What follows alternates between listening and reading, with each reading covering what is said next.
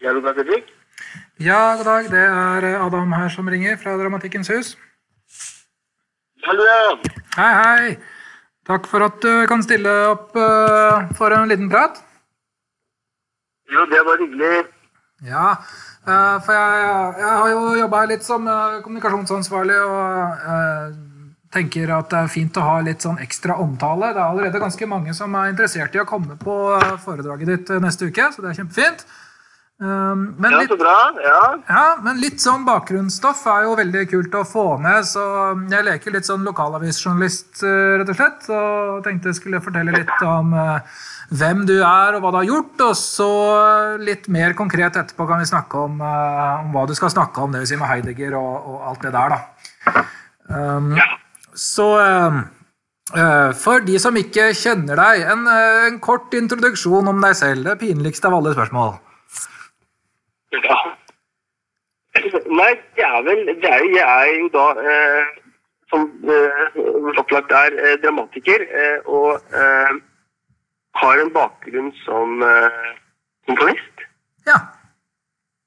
Eh, og, og eh, men, men jeg arbeider nå full tid med å skrive dramatikk, og har skrevet om lag sånn 25 teaterstykker, og gjør dette på full tid.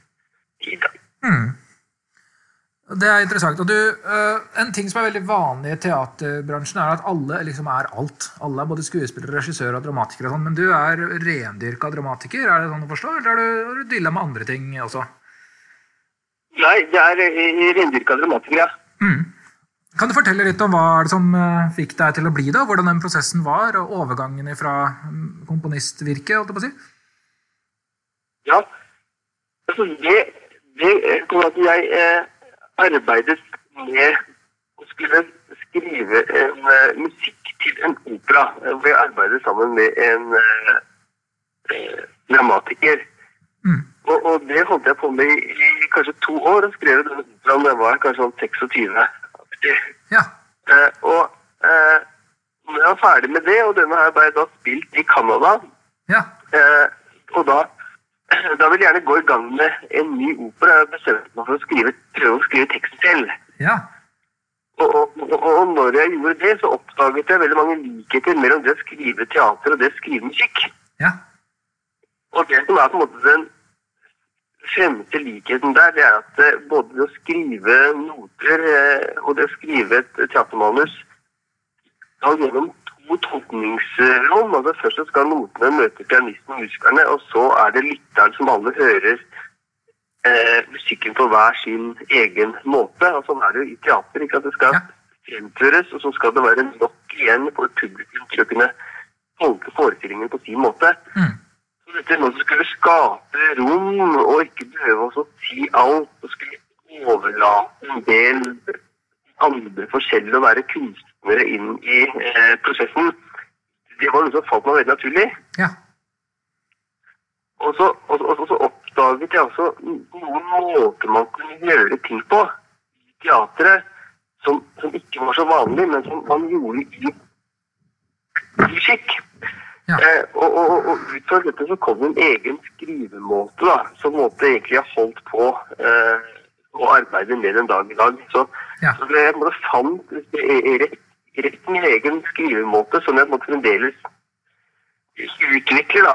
Ja, det er interessant, for den handler jo i stor grad om, liksom, om gjentagelser og variasjoner på et tema, liksom. Um, kan nesten tenke på Er det, er det Rakhmaninov sitt stykke, dette her? 'Variasjoner på et tema', det heter.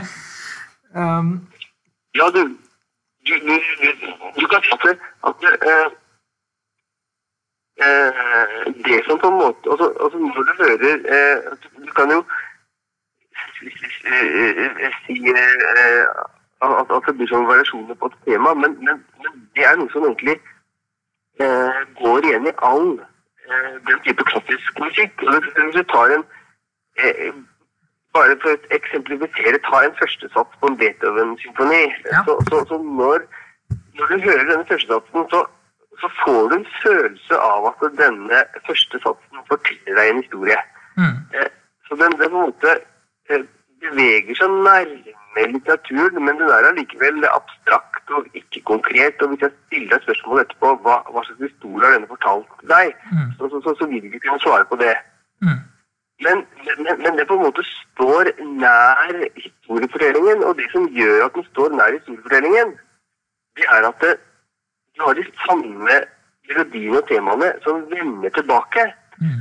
Og når et tema vender tilbake, så er det komponert, både komponert og fremført litt annerledes enn slik det var tidligere. Mm. Og så får man opplevelse av at det har vært gjennom en prosess.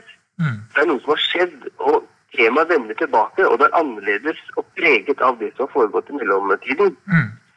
Og, og, og, og det er den store forskjellen på kunstmusikk og popmusikk. For hvis du hører popmusikk, så er på en måte refrenget det er omtrent det samme hver gang du kommer tilbake. Mm. Så det er ikke noen prosess. Men, men innenfor klassisk musikk, eller innenfor ting som er litt mer kunstmusikk, da, så, så er det nettopp denne prosessen som, som, som skiller det. Jeg prøver å fortelle en historie Mm. i min dramatikksskrivning, hvor historien drives ikke fremover slik som en vanlig historie forteller som drives fremover, men drives fremover gjennom at det, at det foregår en prosess i kraft av reposisjonsstrukturen. Ja. Veldig spennende. Um, det, det, det er jo veldig mange tanker som, eh, som slår seg inn her, men er det Om jeg kan spørre litt banalt, da. Er det, hvem sin, er det som gjør det meste av jobben her? Er det liksom skuespillerne? Er det deg som dramatiker? Retter du det veldig mye sånn, eller, eller vil du liksom at publikum skal gjøre den, det meste av fortolkningsjobben i, i denne strukturen? Du kan si at det, eh, det er jo også å finne den, den riktige eh, balansen der, da. Eh, men, men jeg tenker at jeg har jo hatt stykker hvor noen av de samme stykkene har blitt spilt veldig mange eh, ganger av ulike teatre. Og grunnen til det er fordi at det går an å tolke dem på veldig ulike eh, måter. Mm. Det er store rom eh, der i stykkene. Slik at, at, at jeg eh, skriver slik at det kan formes, og, og, og, og ikke bare at det kan formes, men det må formes for å, for å få eh, fullt utbytte av hva teksten er ment eh, som. Og, så- og, så- tenker jeg at det må være nok igjen på publikum der for også å skulle eh, se dette på hver sin måte. Så, så, så det er litt sånn å finne den, den riktige, riktige balansen eh, eh, der, da. Så det, det er jo, som teater jo er, det er en kollektiv kunstform. Eh, eh, og, og det er på samme måte som en, en, en god regissør vil ikke livet av skuespillerne sine ved å diktere eh, dem alt de skal gjøre og tenke og si, men, men, men du må nødt til også la andre få lov til å slippe til. Mm. Veldig bra. Så det er balansen. Mm. Topp. Eh, Da har vi litt sånn bra med bakgrunnsstoff og sånn, men la oss også gå litt inn i grøten eh, med denne eh, foredragsserien vår og det at du kommer. Det blir kjempespennende. Og du skal ikke snakke om dramatikk an sikk. Du skal snakke om, om Heidegger. Hvorfor det, og hva skal du snakke om?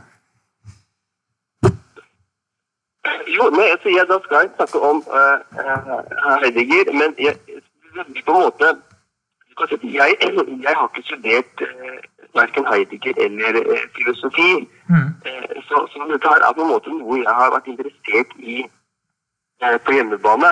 Mm. Eh, så, så, så, eh, så der hvor på en måte så det, blir nok en, en, en enkel innføring i eh, hva Heidegger tenker, eh, samtidig som jeg skal linke dette opp til min egen eh, skrivning, hvor jeg kan eh, bruke dette her i skrivningen min. Og så skal jeg ta egentlig et litt sånn tilfeldig teaterstykke. Jeg kunne tatt egentlig hvilket som helst av mine egne stykker, og så, og, og så skal jeg måte prøve å analysere det litt gjennom, gjennom Heideggers filosofi. Ja. Eh, eh, For å vise hvordan man kan egentlig bruke Heidegger som en slags metode for å forstå et, et drama. Ja, spennende. Um, vi skal ikke gi bort for mye i intervjuet, men uh, vil, vil du fortelle litt mer om uh, hva, slags metode du har identifisert her? For det, som jeg, jeg, jeg har jo gått på HF sjøl og fått en hel haug med Heidegger i trynet, gjerne gjennom en kompendium her og der. Og Ofte så er det tekster skrevet om hans tekster, og når du leser førstehåndsmaterialet, så kan det ofte være litt ugjennomtrengelig.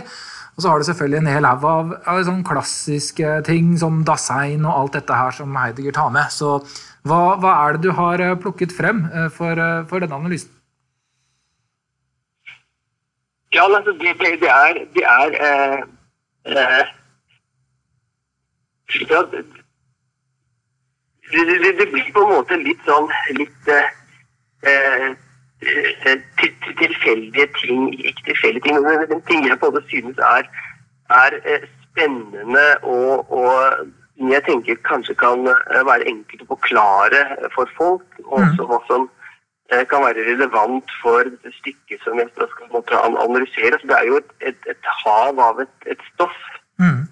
Så, så, så, det blir på en måte å skrelle det ned og velge ut eh, noe, da. Men, men, du kan si at det som Heidegger eh, hva, hva han, han, han stiller seg kun ett spørsmål gjennom hele sin, sin eh, forfatterskap, og det er egentlig spørsmålet hvordan er mennesket til stede i verden? Mm. Og, og, og, og, hvis du bare på en måte skal eh, Hvis jeg hadde fått det spørsmålet før jeg begynte å lese Heidegger, så hadde jeg ikke skjønt helt hva, hva spørsmålet egentlig pekte på. Hva, hva, hva menes med dette spørsmålet? Hvordan er jeg til stede i denne verden? Mm. Eh, eh fordi at det, det, det, det, er på en måte Svaret på det er så nært oss at vi klarer ikke å omtrent se det. Det er mm. som brillene på nesa. Vi, vi ser gjennom, men ikke på. Mm. Eh, og, så, og, så, og, så, er det bare å fortelle noe sånne, sånne Han har noen eksistensialer, Heidegger, som forteller hvordan er vi til stede. Så har vi slik er vi til stede, slik er vi til stede, slik er vi plassert her i verden. Og så kan du egentlig ta et hvilket som helst teaterstykke. For at et hvilket som helst teaterstykke skal jo bestå av ekte, faktiske mennesker. Og så kan du si hvordan er dette her, dette mennesket i dette teaterstykket til stede i denne verden? Hvordan kommer det frem? Mm. Så kan man bare hekte det over på et, på, på drama, så ser man at dette her er relevant for alle som vil gjøre noe på scenen. Eh, egentlig. Veldig bra. Det er kult. Da har vi en flott innledning, tenker jeg. Det, uh, jeg tenker jeg har det jeg trenger til saken der. faktisk. Er det noe mer du vil legge til litt sånn i fritekst, eller som vi ikke har gått igjennom? Ja, altså, du kan jo eh, legge til at, at uh, jeg, jeg, jeg opplever selv at det man skulle stå slik og snakke om Heidegger, er jo gjerne noe som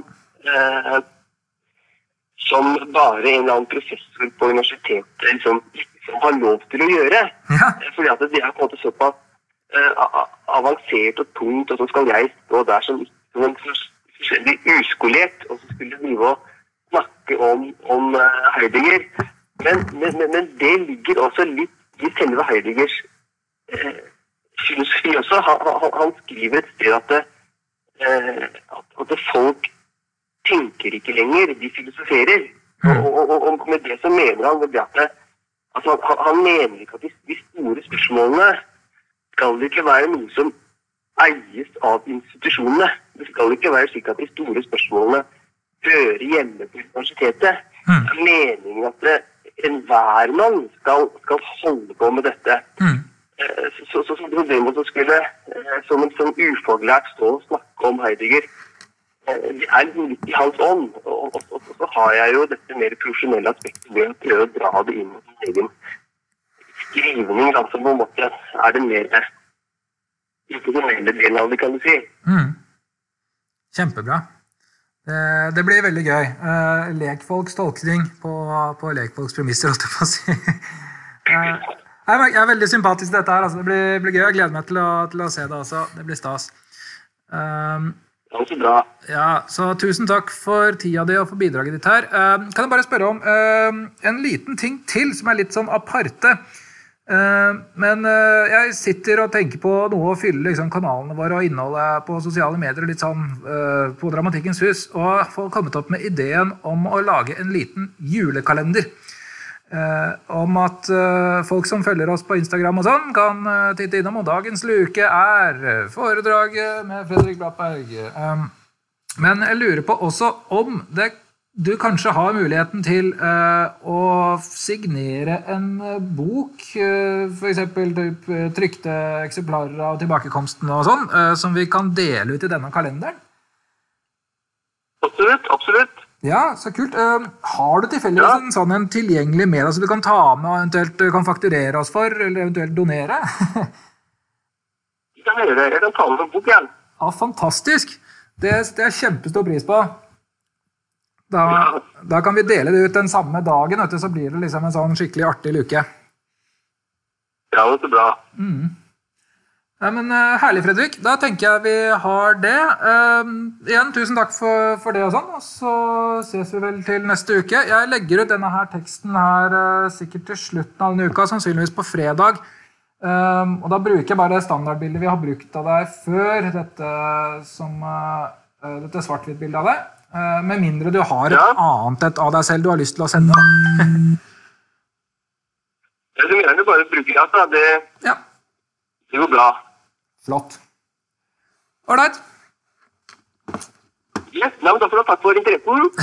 Sjøl takk, du. Da snakkes vi. Det gjør vi. Ha det. Ha det.